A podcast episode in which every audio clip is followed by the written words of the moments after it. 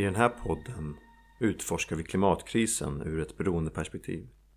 Vi ser på likheter mellan beroendesjukdomen och klimatkrisen och ser om det finns någonting vi kan lära oss av våra egna erfarenheter av tillfrisknande i tolvstegsgemenskapen. Jag heter Gustav Skarsgård. Med mig har jag min vän Johan Mandaric Renanen. Det här är I tolfte timmen.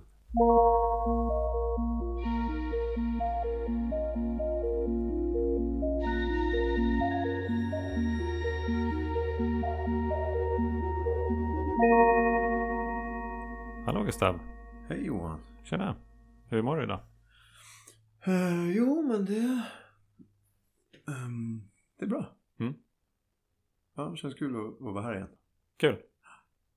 Du, du? eh, ja, men, ja men bra. Alltså det har varit eh, en eh, spänd väntan på att faktiskt få podda igen. Mm. Det är skitkul. Kul att vara igång stort med projektet tycker jag. Eller så här att projektet har varit igång länge men liksom att det har tagit sig formen till det här samtalet. Mm. Och sen på, på liksom ännu mer fin granulär nivå så är jag väldigt nyfiken på det som vi pratade om sist i förra avsnittet. Mm. Vi avslutade det här kring resan. Vi började prata om frigörelseprocessen. Liksom, hur kan den, hur går man från beroende till oberoende? Det där. Mm. Vad, vad, hur går dina tankar kring det? Ja, alltså det går ju via det här föreslagna tolvstegsprogrammet. Mm. Och det är ju någonting som man gör Det är en väldigt intim process. Det är en väldigt krävande process. Det är någonting som man gör tillsammans med en sponsor. Eh, Det vill säga en person som redan har genomgått tolvstegsprogrammet och som vägleder en igenom det. Och den resan ehm, är transformativ. Och den är successiv. Det är ett steg i taget. Den är omvälvande. Och den är frigörande. Mm. Och den är evig. Det är ingenting som man gör i en handvändning och sen är man klar i det. Utan det är någonting som man uppmuntras att fortsätta leva i och göra om eh, mellan varven. Jag känner själv att jag är övermogen för att köra en, en, en vända till och du är mitt uppe i att köra en vända till. Ja, jag har precis börjat använda till. Ehm, så att det, det finns en, en, lite av en paradox där. Och det är att så här, du och jag kan ju inte sitta här och eh, sponsra Sveriges befolkning i ett tolvstegsprogram. Eftersom det är en individuell process. Så på så sätt så är den ju lite svår att prata om. Man kan prata om den. Men den är svår att beskriva eftersom det är en upplevelsebaserad transformativ process Mm. som inte eh, liksom per definition låter sig intellektualiseras. Nej, precis. Stegen i sig finns ju beskrivna. Ja. Men själva upplevelsen därav, Mm, det är ju det som är hela grejen. precis. Det här är kanske är en konstig fråga, men jag ställer den i alla fall. Innan du liksom fick kontakt med 12-stegsprogrammet, hade du någon gång liksom någon som var typ som en sponsor i ditt liv innan? Nej. Nej. Nej, det skulle jag inte säga. Um, nej, man har alltså haft olika lärare, olika kanske förebilder i någon form av auktoritetsposition. Även om jag också haft lite knepigt med den biten. Men um, alltså kvaliteten med en sponsor. Det är ju den här identifikationen. Att det är någon som inte är över dig. Eh, utan det är någon som är som dig. Som har gått före. Ja, precis. Det var fint det där. Jag tänker att det är någon som är både liksom före och bredvid. Ja. Eh, precis, att inte före som i över. Utan en sponsor för mig, de, nu har jag en, en ny sponsor, men även liksom min gamla sponsor. Det var ju personer som jag såg att de har någonting som jag vill ha. Mm. de lever ett liv som, som jag skulle vilja leva. Och inte baserat på materiella saker, apropå materialism. Mm. Inte, så här, inte utifrån det de har. Utan utifrån deras, så här, som jag tolkar den, upplevelse av sina liv. Mm. Hur tillfreds verkar de vara. Och det där klippet i blicken som man pratar om. Ja, Att man säger, vad sitter du på för, sitter du på för hemlighet? Vad sitter du på för lösning? ja. Det som är gemensamt för de här personerna det är att de har gått igenom inte bara en eller två utan flera oerhört jobbiga episoder i sina liv. Mm. Och de har lärt sig väldigt mycket Mm. genom att ha tagit sig igenom dem. Mm. Det kan ha varit mer eller mindre smärtsamt. Det var nog smärtsamt alla gånger. Liksom. Men lärdomarna från dem är liksom desto starkare. Mm. Och desto mer integrerade i hur de lever sina liv idag. Mm. Och det är ju det som jag får syn på. Mm. Genom att jag hör dem dela om sitt liv på möten till exempel. Eh, genom att jag pratar med dem och liksom hör, okej, hur skulle du ha gjort i den här situationen? Och att få perspektiv Mm. På mitt liv som jag nog kanske annars inte hade fått. Och en sån person hade jag inte heller innan jag kom i kontakt med 12-stegsprogrammet. Men jag hade gärna haft den. Det hade varit fantastiskt. Mm. Sen är det ju frågan om i vilket, vilken kontext och med vilken, vilken ingångspunkt hade den personen varit min sponsor i så fall. Mm. Men det är ju en annan. Det Nej men det finns, det finns ju någonting unikt i det. Ja, Om man då alltså jämför med en, en psykolog eller någonting. Eh, där du söker professionell hjälp för att reda ut din egen problematik. mm. Där har du inte samma identifikation. nej precis. Eh, ni delar inte samma problem. Därför så delar ni inte samma lösning. Det betyder inte att det inte kan vara en lösning. Att det inte kan vara, vara till oerhört stor hjälp. Men det finns någonting unikt i det här, så här identifikationen. Att vi har samma, samma sjukdom. Ja, precis. Och det är egentligen för att ta det tillbaka till liksom både det andliga och det mänskliga och att det egentligen är samma sak. Mm. Så är det ju att, att känna en kontakt med en annan människa. För att jag vet vad han i det här fallet, för min del, vad, vad han har gått igenom. Mm. Och så här, wow, men det där är ju precis det som jag har upplevt. Vilket innebär att jag inte är ensam om att ha haft de här upplevelserna eller ha de här upplevelserna. Eh, det finns ett hopp i det för att jag vet att det finns andra personer, åtminstone två, som har haft samma upplevelser och gått igenom det och kommit ut starkare på andra sidan. Mm. Och att, ja, att, att liksom inte behöva göra livsresan ensam då. Mm. Men där är vi också... Jag menar som sagt, jag hade inte den... Det är klart att jag har vänner, men... Och hade även innan jag blev eh, nykter, men... Ingen av oss hade de här verktygen. Nej. Det är det. Det är ju någonting så fantastiskt att så här, att, att dela de här verktygen med någon. Att, att kunna identifiera sig med en gemensam problematik och en gemensam lösning. Vilket innebär att var jag än åker i världen så kan jag gå till en plats där jag kan möta människor och på direkten börja prata om de allra viktigaste, djupaste, väsentliga mänskliga sakerna som två människor kan prata om. Mm. För att vi har en gemensam terminologi. Och vi har en gemensam lösning. Och en gemensam problematik.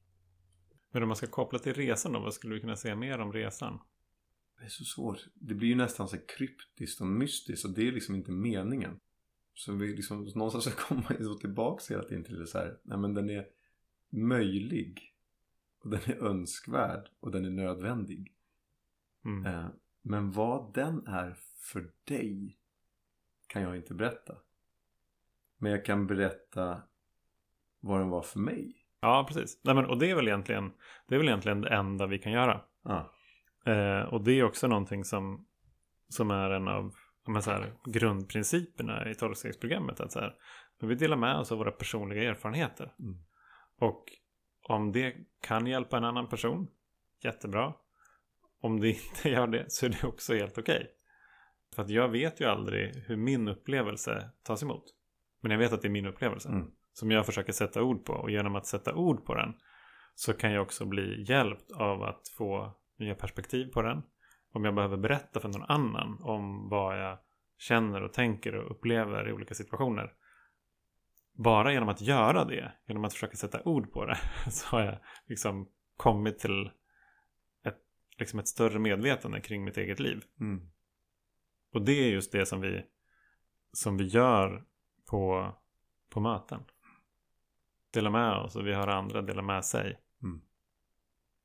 Jag känner ett, ett behov att återigen så här, kasta in brasklappen att vi inte är representanter Mm. för en specifik tolvstegsgemenskap. Jag känner så här, ett behov av att påminna om anonymitetsprincipen. Inte för att skydda mig eller dig utan för att skydda gemenskapen.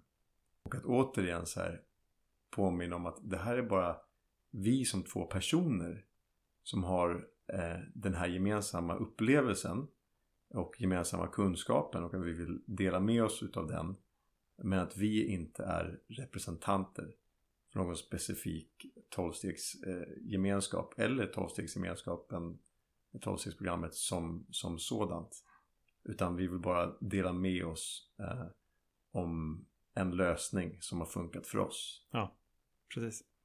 Ska vi läsa de tolv stegen? Gör det. Nu kommer vi ju nämna ord som Gud och sådär igen. Mm. Ja. Men jag tänkte så här. Att jag, att jag först läser de tolv stegen. mm. Eh, och sen så kan jag läsa våran eh, förenklade sandmetafor ja, just det. Ja, men det är bra.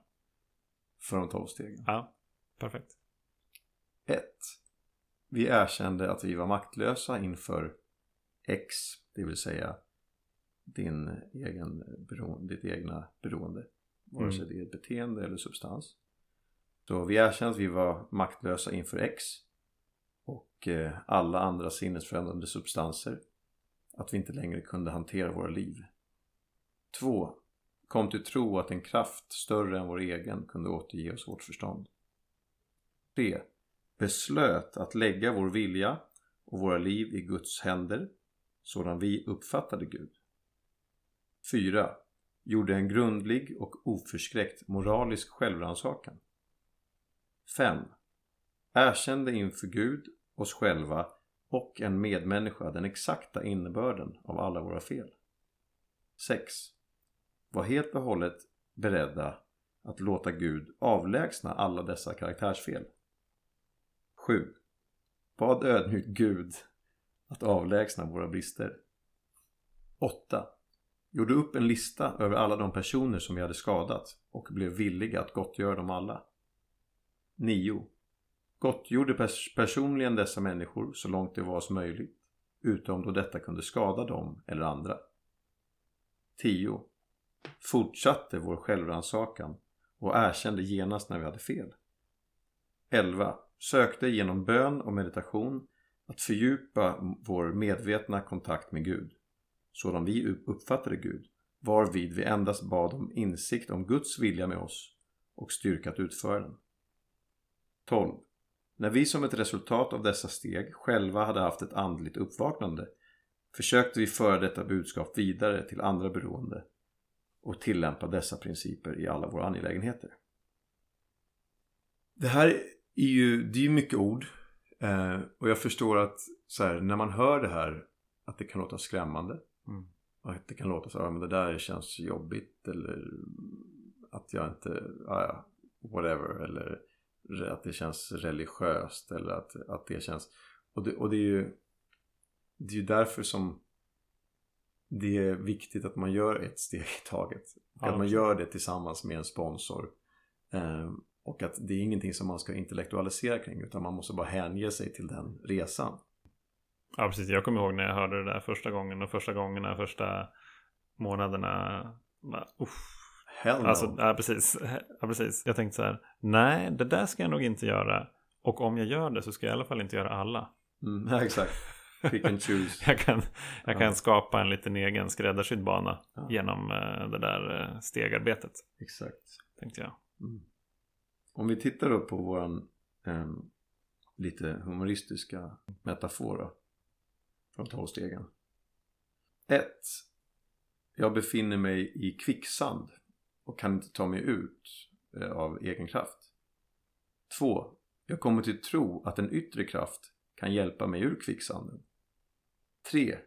Jag ber en yttre kraft hjälpa mig ur kvicksanden. 4. Jag undersöker vad jag har i fickorna som tynger ner mig. 5. Jag berättar för den yttre kraften och en medmänniska vad jag har i fickorna. 6. Jag ber om villighet att tömma fickorna. 7. Jag tömmer mina fickor. 8. Jag skriver en lista över dem jag bestulit på det jag hade i fickorna. 9. Jag lämnar tillbaka det jag stulit och upptäcker att jag därmed lämnat kvicksanden. 10. Jag är vaksam på att inte agera på så vis att jag hamnar i kvicksand igen. 11. Jag fördjupar min förståelse för och kontakt med den där yttre kraften. Och 12. Jag försöker applicera detta system i alla delar av mitt liv samt att jag börjar hjälpa andra människor ur kvicksand. Mm. Den är jättebra tycker jag. Ja, den är, den är, den är enkel. ja. Man tänker att stackars sate som sitter fast där i kvicksanden och har massa sten i fickorna. Ja. Det är verkligen också så det är. Och det, så här, vi, vi kan ju sitta här och, och skratta åt det nu. Eh, jag tycker att det är ganska kul. Men det är också för att jag har varit i den här kvicksanden så jävla länge. Och jag vet att det som jag har fått göra i det här stegarbetet har hjälpt mig ur det. Mm. Och därför så känns det också som i sista steget där ännu viktigare att berätta för andra som sitter fast där. Hörni, det finns en lösning. Mm. Eh, ni behöver inte sitta fast där. Exakt. Eh, det finns hopp. Mm. Eh, ni behöver inte hålla på och kämpa eh, febrilt Mm. eh, för att inte gå under i den här kvicksanden. Mm. Jag känner också genast ett behov av att i och med att jag har i grunden en dålig självkänsla som är en del av min problematik det här andliga bristen som vi pratat om ehm, så har jag en tendens att diskvalificera mig själv. Mm. så att ens, bara jag läser upp de här stegen så känner jag som nej det där, det där har jag inte gjort bra nog. Och det där, och där har jag kvar. Och där har jag inte gott gjort alla människor. Och där har jag inte gjort det det. Så att jag, jag genast så, så känner jag så en tendens att börja diskvalificera mig själv som en dålig tolvstegsutövare. Mm. Ehm, och därför, utan att det ska vara en cop-out, att försöka verkligen anstränga sig för att göra det rätt. Och som är, vilket är en pågående process. Men därför så tycker jag att det är så skönt att påminna om den här principen att vi är inga helgon. Ingen av oss har ens tillnärmelsevis lyckats med att perfekt efterleva dessa principer. Och att vi, återigen då, det är samma parti där det står där att vi strävar efter andlig eh, utveckling och inte perfektion. Så då måste jag säga, för jag måste ge mig själv en break då och känna så här, men nej jag, jag har inte gjort det här till perfektion. Det kan jag inte göra. Nej. Men jag måste fortsätta göra det för att jag ska kunna bibehålla min nykterhet och mitt välmående. Och att så här, gör jag det eh, och det har jag fortsatt med nu i många år så blir det en mer och mer fördjupad förståelse för det. Det blir en mer och mer fördjupad upplevd eh, livskvalitet och framförallt frigörelse från det tidigare tvångsmässiga beteendet. Mm. Jag tänker på en grej direkt när du sa det där att eh, jag har inte uppnått eh, perfektion och så vidare. Jag tycker att det verkligen kan eller så här, kopplas till hur vi pratar om liksom hållbarhet. Att det är nästan så att för att få överhuvudtaget yttra sig om hållbarhet då ska man ha liksom full koll på allting. Mm. Och man får inte göra några fel själv. Jag menar om du äter, om du äter kött eller du, har, du åkte kanske en, eh, en taxi med förbränningsmotor här om veckan. Eller du har flugit flygplan de senaste fem åren. Eller du har gjort något annat som kan leda till utsläpp. Mm. Då har du nästan inte Då får du inte lov att uttala dig. Mm. Och det tycker jag är en extremt farlig utveckling. För det innebär ju att då är det bättre att inte göra någonting än att försöka. Mm. Och jag menar om man skulle applicera det på tolvstegsprogrammet och stegarbete och sådär. Mm. Då hade ju alla som jag har mött under de här åren på möten varit aktiva eller döda. Om, de, om det hade funnits ett perfektionskrav. Exakt. Ehm, utan det handlar om att efter bästa förmåga Ja. göra sitt bästa efter att leva efter nya principer Mm. som jag vet skapar ett större välmående i mitt liv. Mm. Som tar mig bort ifrån ett destruktivt beteende. Mm. Kommer jag göra det här perfekt? Nej. Men det är heller ingen som frågar mig efter att göra det perfekt. Nej. Däremot så finns det många människor runt omkring i den här gemenskapen som vill att, att jag ska ha det bättre i mitt liv. Mm. Och där jag också då ombeds att till exempel vara sann. Mm.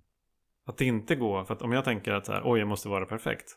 Då när jag är eh, på ett möte till exempel och har möjlighet att dela om en upplevelse. Då är risken att jag inte säger som det är. För att jag vill inte bli dömd av eh, de andra som är där. Tänk Mm. om jag inte får vara med i den här gruppen om jag har gjort någonting fel och så vidare. Så att just toleransen Toleransen. för att vi är människor. Mm. Den är så extremt viktig. Den är helt fundamental. För att vi ska liksom våga göra en utveckling överhuvudtaget. Det Jag finns ju någonting också så här. Alltså det du nämner lite det är ju liksom lite den här hycklarskräcken som vi lever i. Ja, precis. Att så här, att vi är så rädda. Det är sån otroligt eh, socialt stigma att vara en, hycklare. Det vill säga att försöka efterleva eller predika höga ideal som du misslyckas med att efterleva själv. Mm. Ehm, problemet är att om du överhuvudtaget liksom predikar eller försöker leva efter höga ideal så kommer du misslyckas. Det, är liksom, det, det går inte att vara perfekt. Ehm, men vi är så snabba då på att, på att liksom skjuta ner varandra och fördöma varandra. Det finns ju en, en, kvalitet i steg ett, i acceptansen av att man redan är precis. Som gör att, så här, att redan där börjar man säga, men vänta nu, vi kommer in här Mm. trasiga, vi mår inte bra. Vi, vi Mm. liksom, man börjar där. Man Mm. kliver inte in i motsats till så många andra rum och kontexter i, i, i vårt samhälle där man kliver in och från början ska leverera en perfekt bild av sig själv. Ja, precis. Så redan, du, här kommer du in i det mest imperfekta. Så allting därifrån är en förbättring. Ja, det är väldigt sant. Vilket, och också då den här toleransen som, som kommer utav att så här, vi, vi människor, vi har kommit till en punkt där vi inte, där vårt nuvarande beteende absolut inte fungerar längre. Vi behöver hjälp. Eh, Mm. Och alla som är där har varit i samma, suttit i samma båt. Ja, exakt. Och det är ju ofta de bilderna som vi verkligen inte vill visa. Ja. Alltså det är precis det. Mm. Eh, men det, det var inte så att jag när jag var liten hade liksom en lista på de här tre grejerna. Skulle bli, jag skulle bli astronaut, eller skulle bli brandman. Om jag inte kan bli det, då skulle jag bli alkoholist. Mm. Utan nej, det är ingen som ville det eller valde det. Men vi hamnade där. Mm. Och vi accepterade att det var så. Mm. Och just att bara få vara ärlig med hur det är. Det är ju en del av befrielsen. Mm. Ehm, men om man jämför det med, liksom, ta bara ett vårt social medielandskap. Nu börjar det kanske liksom bli lite mer att man får visa, okej, att så här är verkligheten. Men det är fortfarande en ganska glättig yta Oh, ja. i mångt och mycket. Och det är också den som vi premierar. Mm. Det är den Ja, men det som är det vi... att vi har liksom Det har blivit viktigare hur våra liv ser ut än hur de känns. Ja, precis. Ja, för att det som blir så liksom, paradoxalt i det där också att ja, men jag kan inte visa hur det känns. Nej. Nej. Exakt. hur ska du då kunna jämföra? Men vi ska inte Precis, jämföra. nej, du ska inte det. Nej. Men det är också någonting, alltså vi har ju pratat om BNP till exempel. BNP är ju jättelätt att jämföra. Mm. Har vi högre BNP per capita än Finland, Norge, Danmark, bla bla bla. Eh, eller hur, liksom, hur, stort, hur stor BNP har vårt land? Eh, hur mycket pengar kan vi låna? Och, alltså så. Mm. Jag menar, jag tror att vi också gillar att jämföra saker. Mm. För att sätta in oss i någon form av statushierarki. Och ur det perspektivet går det heller inte att använda sånt som är liksom mer flummigt. Som vad är upplevelsen? Mm. Vad är upplevelsen av att vara medborgare i landet Sverige?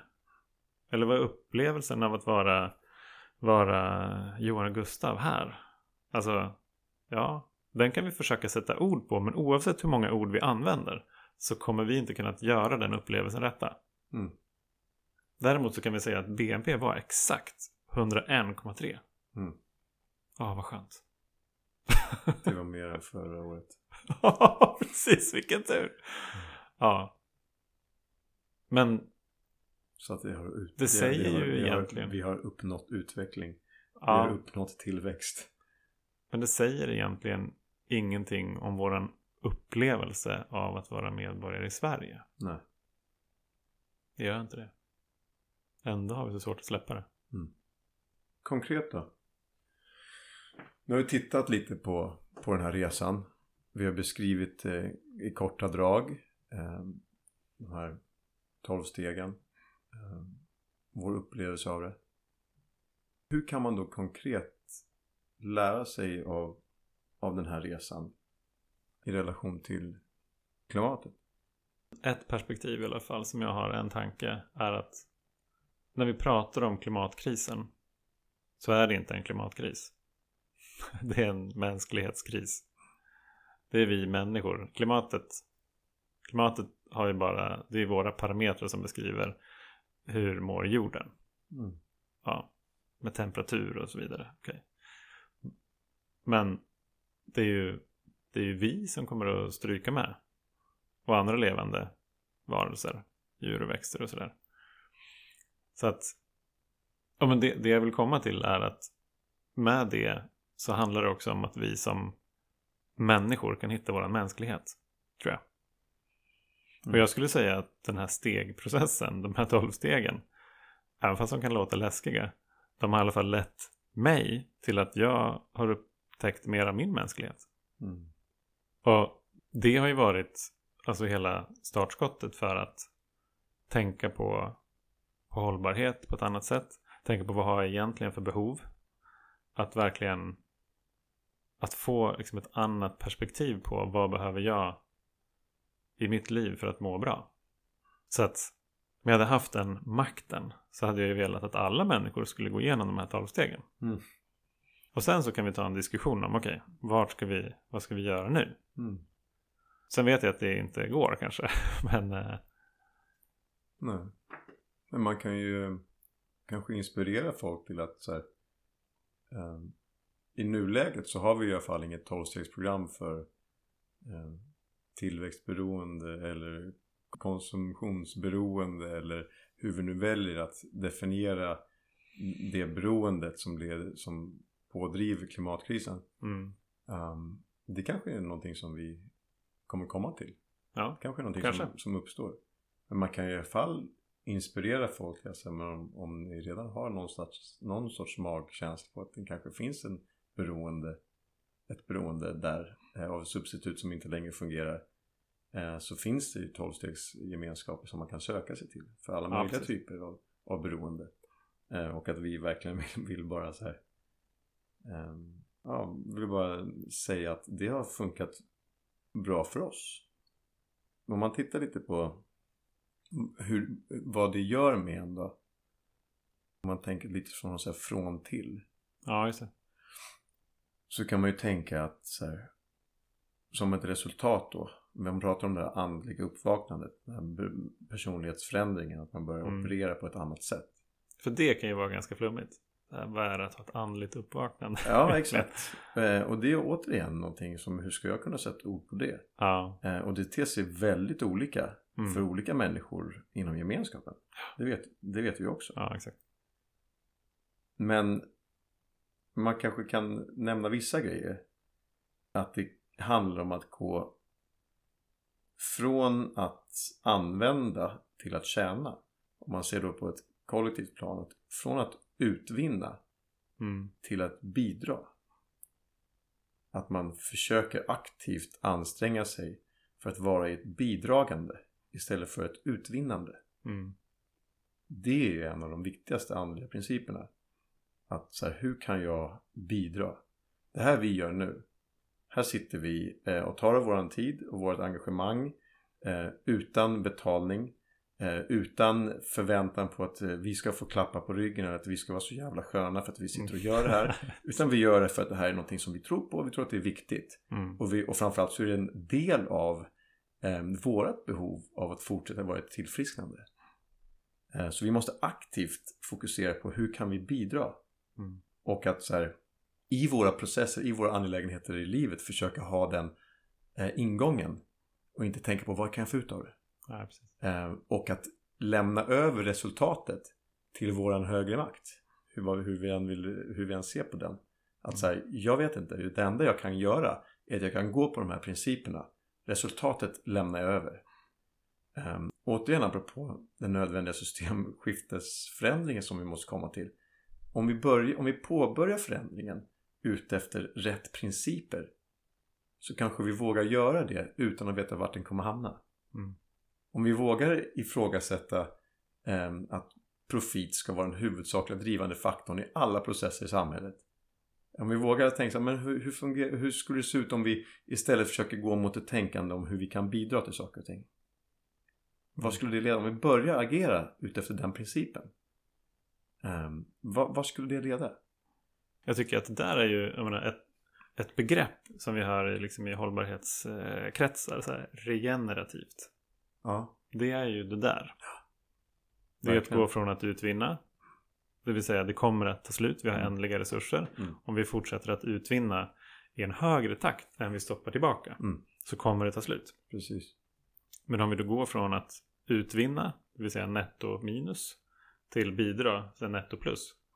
Ja, men då har vi också en chans att reparera Mm. faktiskt. Mm. Den skada som vi har ställt till med. Exakt. Vilket ju egentligen är liksom också steg 8-9, så här gottgörelse. Mm. Eh, liksom make up for. Verkligen. Mm. Det finns, det finns att göra. Några fler sådana här från till grejer som vi har skrivit upp är det här att gå från brist på tro, på kärlek, på andlighet till att vara hel. Att vara självförsörjande. Mm. Att vara liksom Just den här bristen är ju också en del av hela materialismen. Det vill säga, du har inte nog. Exakt. Eh, Du behöver mer. Mm. Vad skulle hända om vi inte hade brist? Mm. Tänk om vi hade tillräckligt mycket som vi har nu. Mm. Hur hade vi tänkt då? Hur hade vi känt då? Mm. Hur hade vi agerat då? Mm. Och framförallt om vi siktar in ehm, om vi siktar in oss på att uppnå den där helheten eller vad man säger att, att, att fylla det där på, med andliga medel så slipper vi alla substitut med eh, Från beroende till frigörelse. Från att vara god till att göra gott. Mm. Ehm, att så här, det handlar inte om identifikationen att så här, fan vad vi är sköna, att vi är goda som sitter och gör det här utan nej, det, det handlar inte om oss det handlar om att vara till nytta, att vi försöker göra gott att försöka, trots att man kommer misslyckas agera i linje med vad man tror på Mm. med, med vissa principer eller vissa ideal Ehm, för att man tror att det är rätt Ja, precis. Det blir egentligen värderingsstyrt kan man väl säga. precis Jag menar, om jag så här- Värdegrunds, värdegrundsstyrt Ja, precis. Så här. Jag, jag vet inte eh, hur, hur det här, jag vet inte vad resultatet av det här kommer att bli. Mm. Men jag vet att det är rätt att göra det. Jag tänker också att en sån så här från till som är ett grundläggande och som jag har haft mycket nytta av själv. Det har varit att gå från rädsla till kärlek. Mm. Att det, det var nog det som kunde, som kunde sammanfatta mitt aktiva missbruk. Rädsla. Rädsla för eh, ironiskt nog att bli påkommen med att jag höll på att dricka så mycket. Rädsla för att det skulle ta slut. rädsla för att eh, jag inte skulle få gå ut och festa lika mycket som jag ville. Rädsla för att Josefina skulle bli sur. Rädsla för att eh, någon på jobbet skulle komma på. Rädsla för att, ja, alltså bara. Rädsla för att jag inte duger, rädsla för att jag inte är nog, rädsla för att jag ska Ja. bli exkluderad, rädsla för att dö, Ja, precis. rädsla för att upphöra. Och, och rädsla för att prata om mina rädslor. För att jag inte vill bli exkluderad. Exakt. Alltså här, nej, nej, nej. Rädsla för att eh, vara den man är. Ja, precis. Och rädsla för att någon skulle komma på vem jag är. Ja. För då vet jag att jag inte får vara med. ja. Det liksom rädsla för att bli ensam. ja. Eh, till då, till kärlek. Mm. Ja men där, där, där nämner du också någonting som är det här så värdet av gemenskapen. Mm. Ehm, vad, kan vi, vad kan vi lära oss där då? Alltså jag- jag tror att det är många unga där ute som känner sig ensamma i sin klimatångest, som känner sig rädda, som liksom ehm, hur kan vi känna att vi, att vi vill det här tillsammans? Hur kan vi så här, kan det vara så att om vi siktar på gemenskapen i ehm, den nödvändiga förändringen att vi får med oss fler Mm. att det är fler som känner så här, men så där känner jag också. Jag har också det där, eh, den där rädslan. Och jag vill också vara en, vara, en, vara en del av den där rörelsen. Mm. Den här separationen som vi pratat om, separationen från, alltså mellan människa och natur också. Ja. Eh, det här som, det, som, det som har gjort och möjliggjort att vi kan ha en sån eh, alltså extraktionistisk syn på vår omvärld. Eh, en utvinnande syn, att, den, att vi är separerade från naturen och den finns där för oss Mm. att, att utnyttja. Den gemenskapen, gemenskapen med naturen, gemenskapen till den miljön som, som vi kommer ifrån. ja, precis. Och som, som vi ju mår bra av på riktigt. Mm. Så det är också så här en, en från, från separation till enighet. Från separation till gemenskap. Menar, och, det, och det kan ju handla om att jag känner mig separerad från andra människor. Mm. Eller att vi som människor separerar oss från naturen. Eh, eller att vi som grupp X separerar oss från grupp Y. Mm. Exakt. Istället för att tänka på, okej, men vad, vad är vår gemensamma välfärd? Så liksom hur långt sträcker jag ut den gemensamma välfärden? Mm.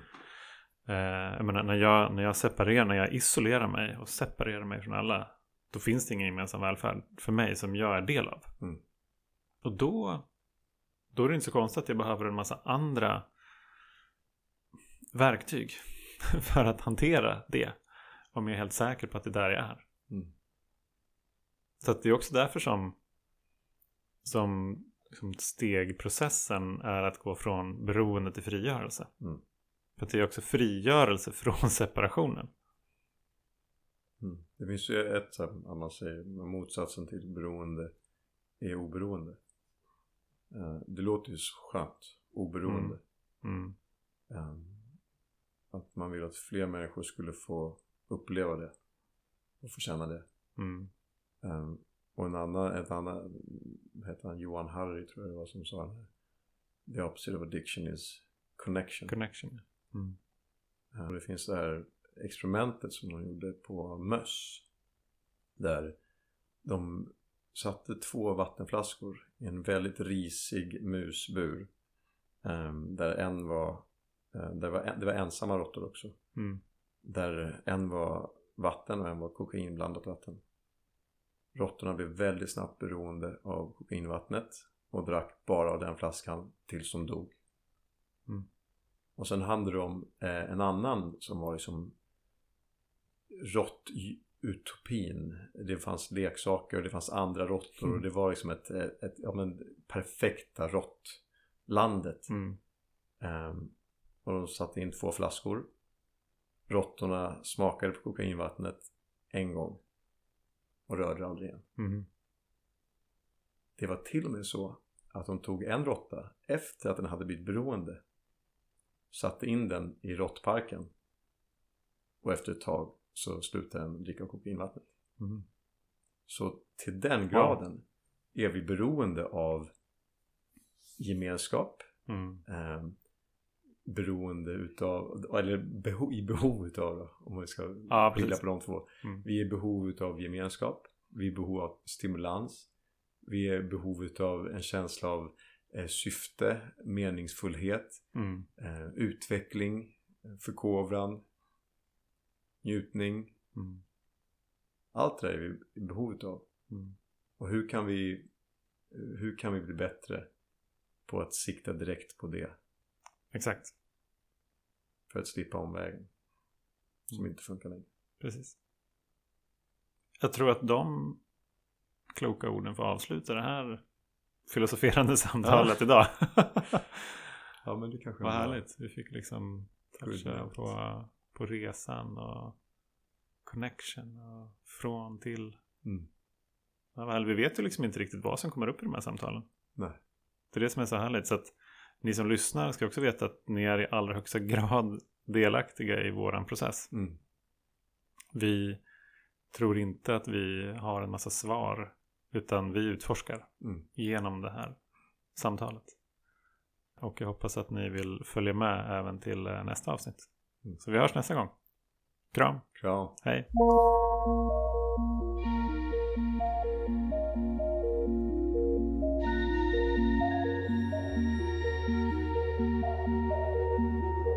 Thank